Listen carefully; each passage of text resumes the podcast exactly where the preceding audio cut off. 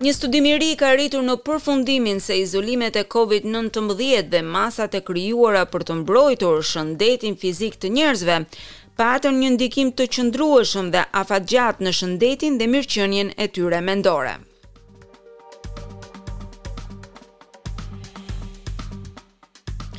Akademikët në Universitetin Kombëtar Australian kanë analizuar përvojat e më shumë se 6500 personave gjatë një periudhe dyvjeçare.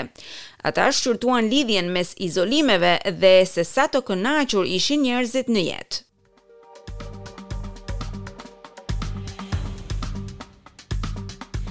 Sa më i rreptë ishte bllokimi, aq më e lartë ishte humbja e kënaqësisë për jetën. Nuk është një rezultat befasues nga Qendra për Kërkime dhe Metoda Sociale, e cila analizoi përvojat e më shumë se gjashtë mijë e pesëqind të rriturve gjatë një periudhe dyvjeçare.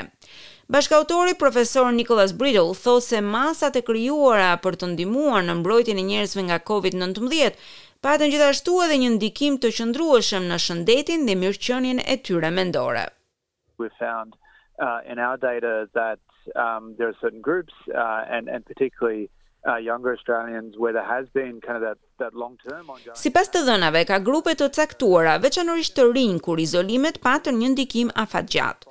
Qëllimi ynë është që të vazhdojmë të ndjekim të njëjtët njerëz për të zbuluar se cilat ishin efektet afatshkurtra, afatmesme dhe afatgjata të pandemisë, si dhe politikat që duhet të ndjekim pas pandemisë.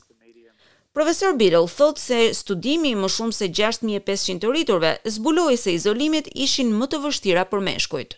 Males were more impacted by lockdown restrictions, young Australians and also perhaps this one's not as big a surprise is that. Meshkujt u ndikuan më shumë nga kufizimet dhe izolimet, australianët e rinj gjithashtu.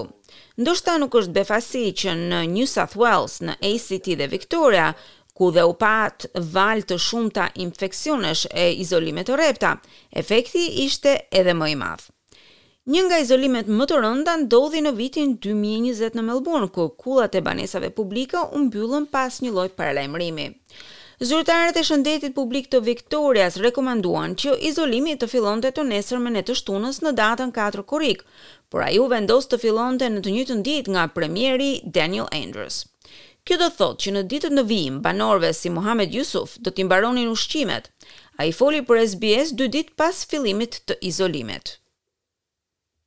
when it came to the the supplies and the support it didn't come hand in hand and that is what's uh, a little bit creating uh, Kur bëhej fjalë për furnizimet dhe mbështetjen, ajo nuk erdhi në kohë. Dhe kjo krijoi një farë zhgënjimi tek banorët. Unë kam tre fëmijë e për momentin e të vetmet furnizime që kam ishin ushqimet që kisha përpara izolimit, e ato do të mbarojnë shumë shpejt. Kam fëmijë të vegjël, pelena, formulat, të gjitha gjërat e nevojshme po mbarojnë shumë shpejt, tha ai.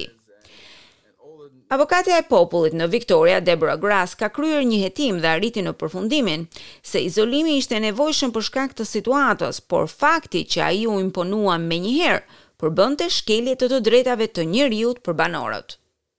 The lockdown successfully stopped the spread of the virus at the towers, but in my opinion, its immediacy and. Bllokimi ndaloi me sukses përhapjen e virusit nëpër kulla, por për mendimin tim, menjëhershmëria e tij nuk ishte në përputhje me të drejtat e njeriut të banorëve, duke përfshirë këtu të drejtën për trajtim njerëzor, ku u privoi liria më elementare. Profesor Nicholas Biddle thotë se ai shpreson se studimi i tij do t'i vijë në ndihmë politikbërësve në të ardhmen, nëse kërkohen përsëri masa të ngjashme. lockdown conditions can have a, a very substantial impact on the spread of infections. And that's a really important thing, and, and no one, uh, or certainly we're not arguing.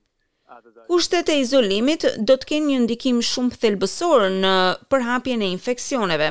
Kjo ka shumë rëndësi dhe askush, e sigurisht jo ne, nuk po argumenton që këto gjëra duhet të minimizohen, por në të njëjtën kohë ka nevojë për kompromis. Ajo që po përpiqemi të bëjmë është që të vendosim disa shifra rreth këtij ekuilibri.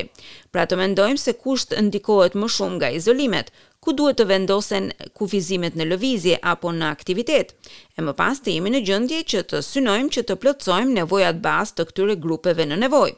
Këtë do të dëshironim që të shikonim nga politika në të ardhmen. Nëse ju apo dikush që njihni ka nevojë për mbështetje, mund të kontaktoni Lifeline në një tre një një një katër ose Beyond Blue në një tre zero zero dy dy katër gjashtë tre gjashtë.